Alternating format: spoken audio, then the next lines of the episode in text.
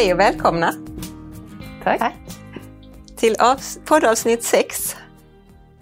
Vi har fått ett önskemål om, om att man är nyfiken på vad som händer innan ett uppdrag kommer till utföraren. Och när vi pratar om utföraren här idag så gäller det till exempel en gruppbostad, en hemtjänst eller ett vård och omsorgsboende. Mm. Och som vanligt så är det vi, Ann-Sofie och Johanna, som är med och vi arbetar som socialt ansvariga samordnare i omsorgsförvaltningen i Kristianstad. Men idag har vi bjudit in två handläggare också från myndighetsenheten och det är Resarta och Solveig. Välkomna mm. hit! Tack! Tack! Så berätta, hur brukar ni få den första kontakten med kunden? Mm. Det kan variera. Allt ifrån att den enskilde själv tar kontakt med oss telefonledes eller att vi får in en skriftlig ansökan. Att en legal, legal företrädare initierar kontakt med oss.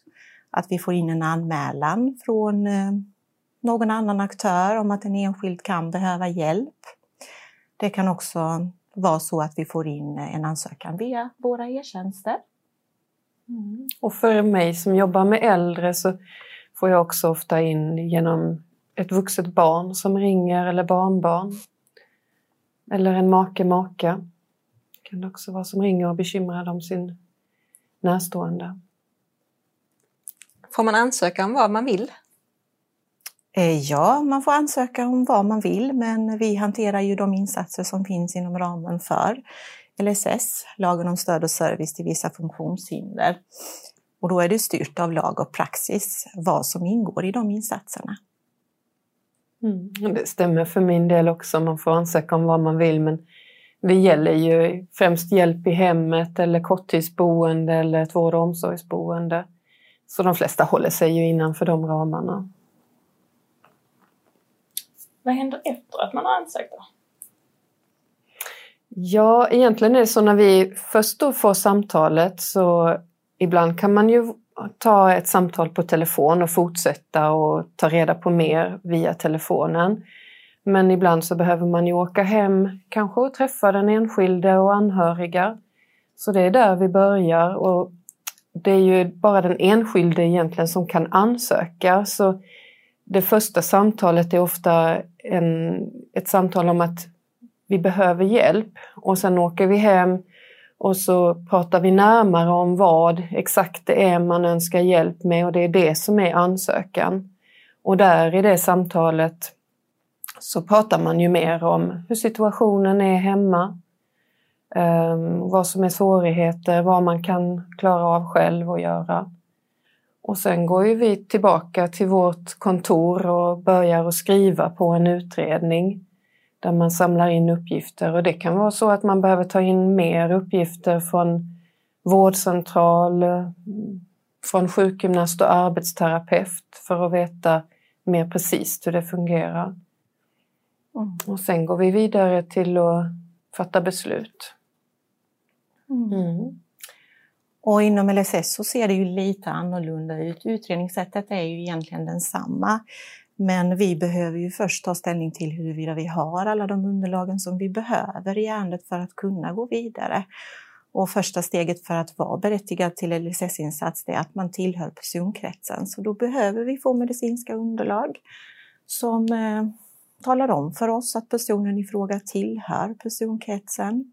Eh, vi får ta, efter vi har fått in en ansökan så är det att vi gemensamt med samlad kompetens i handledning med våra kollegor och enhetschef, när vi föredrar ärendet avidentifierat för att tillsammans komma fram till huruvida personen i fråga tillhör personkretsen. För det är som sagt förutsättningen för att kunna vara berättigad till en av våra LSS-insatser.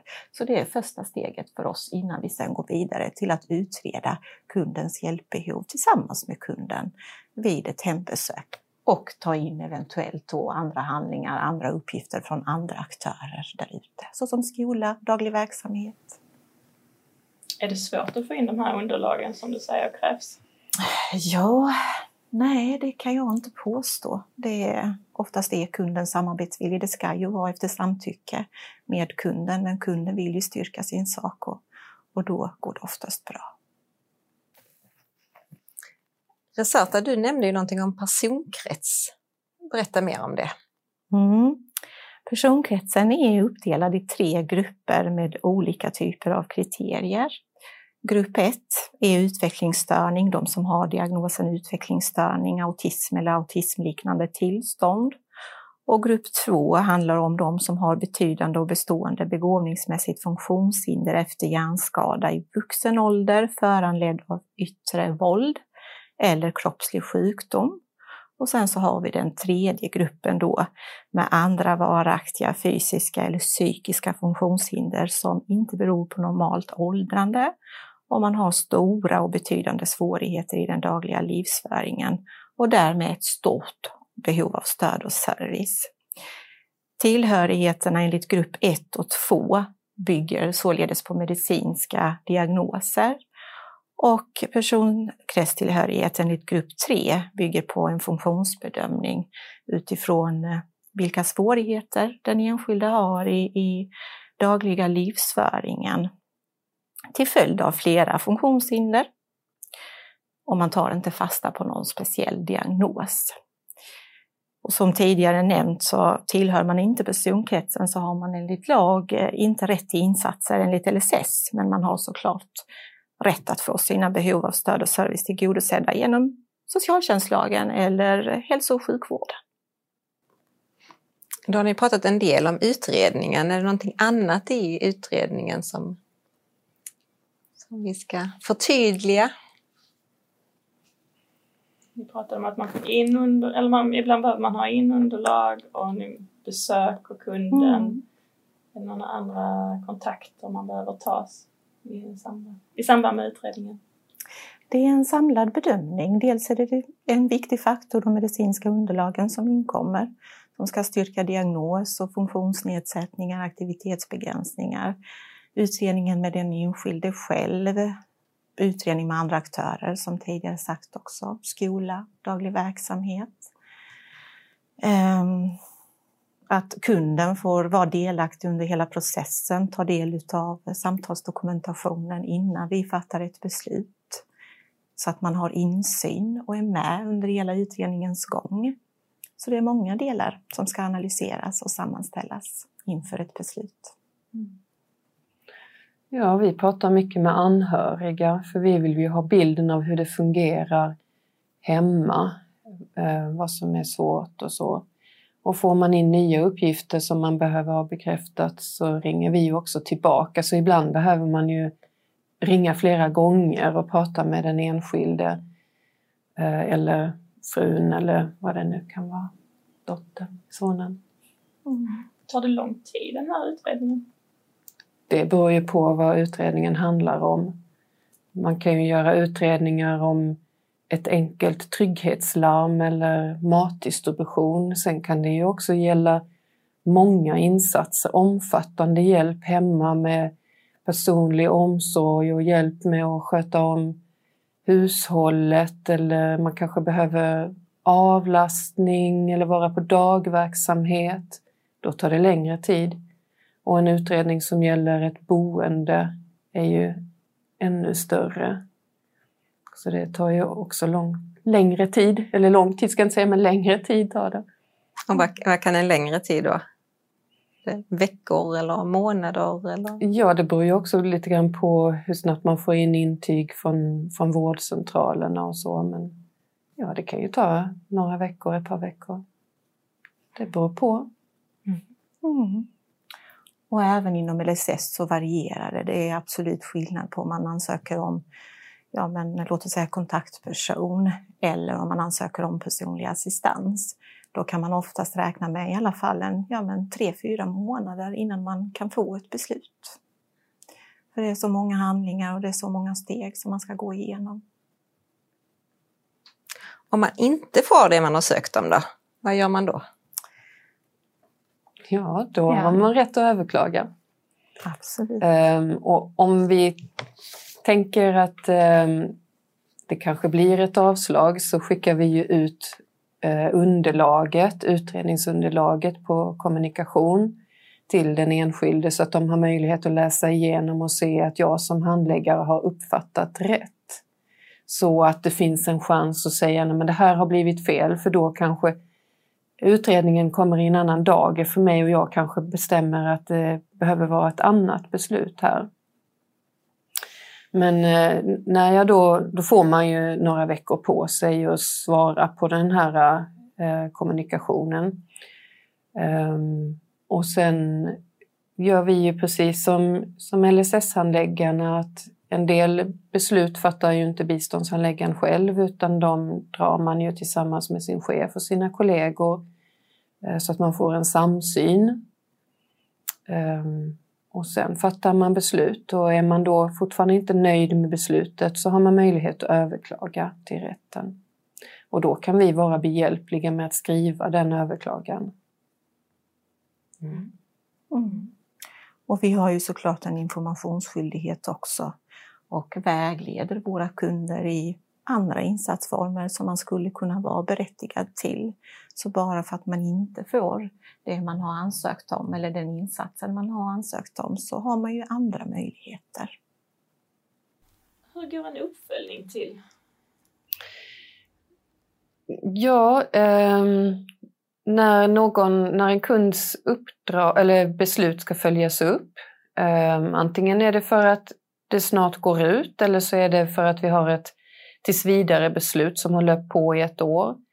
Då skickar jag ut ett meddelande till utförarna om att nu ska jag snart göra en uppföljning. Är det någonting särskilt jag ska tänka på? Och så har de möjlighet att svara tillbaka till mig eh, och det gör jag ofta via verks verksamhetssystemet. Och sen när jag har fått in det så tar jag kontakt med den enskilde och kanske anhöriga och ser hur det fungerar och att att allt är bra med dem och att de får den hjälpen som de är beviljade till. Mm.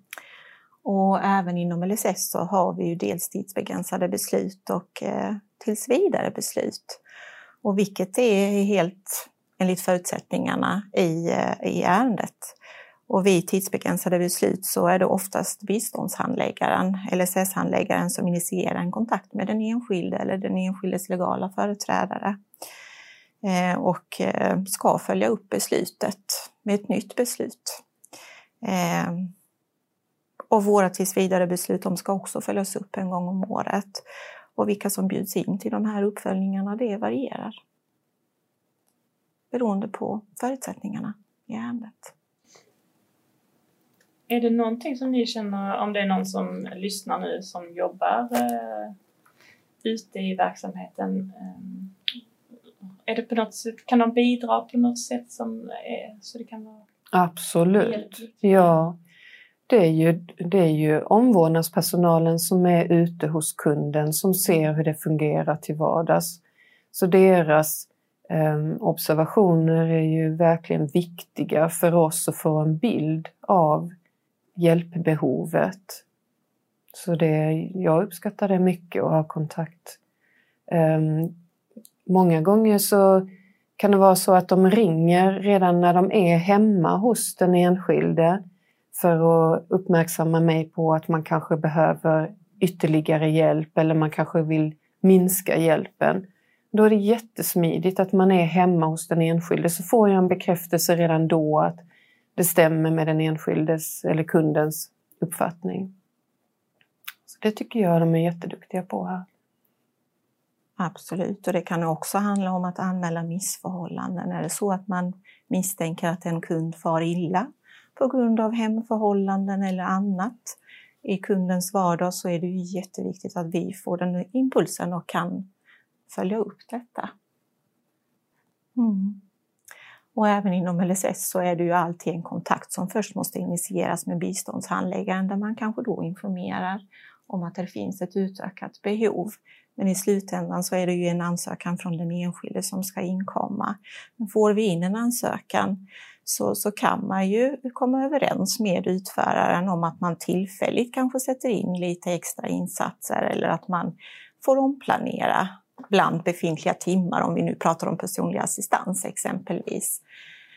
Eh, I avvaktan då på att vi fattar ett nytt beslut. Men i slutändan som sagt så är det en ansökan från den enskilde som ska inkomma för att vi ska kunna behandla den.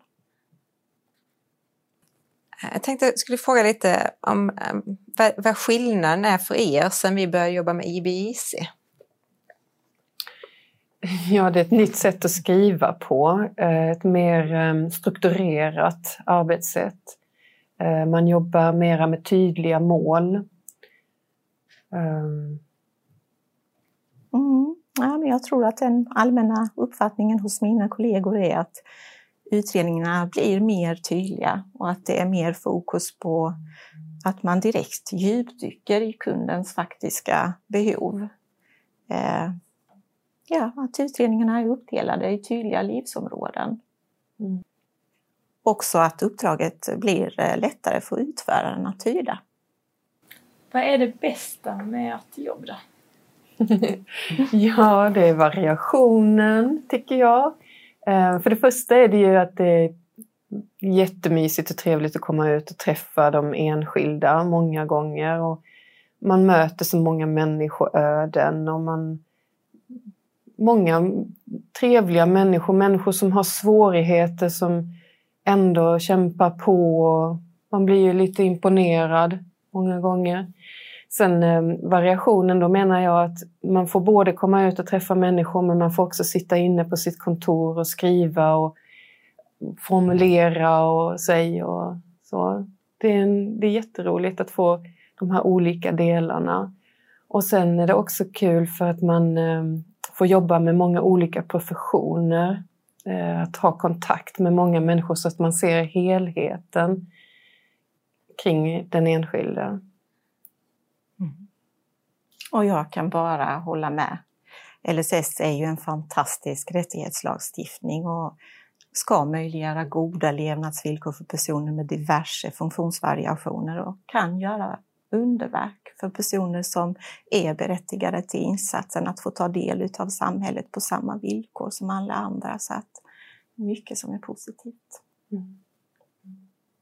Spännande. Är det någonting annat som ni skulle vilja tillägga? Som omvårdnadspersonalen ute skulle behöva känna till eller vi har fått med allt? Ja, jag tänker att eh, de ska absolut inte dra sig för att ta kontakt med oss. Att deras eh, uppfattningar är viktiga för oss att få in. Det spelar stor roll och har de frågor och undringar och får de jättegärna ringa. Det är viktigt. De är en kugge i, i um, detta hjul precis som alla vi andra. Um, ofta väldigt viktiga för den, för den enskilde kunden också för att det är deras goda bemötande som spelar en roll på den enskildes dag, hur den blir. Mm. Och precis som du sa sedan tidigare också så är det ju de som har insyn i kundens vardag. Och även om man kanske har en legal företrädare, en god man eller en förvaltare så finns ju inte de i kundens vardag på det viset de har insyn och kan slå larm, kan ge en impuls till oss om att det finns ett utökat behov. Återigen så är det ju alltid kunden som ansöker, men vi initierar ju kontakt med kunden när vi får de här impulserna om att det kan finnas ett behov av utökat stöd. Impulsen kan ju också komma om det finns behov av förändringar. Det kan ju vara så också att man blir bättre och att man inte behöver ha den insatsen längre. Så att det är viktigt med den här kommunikationen och att de tar kontakt med oss.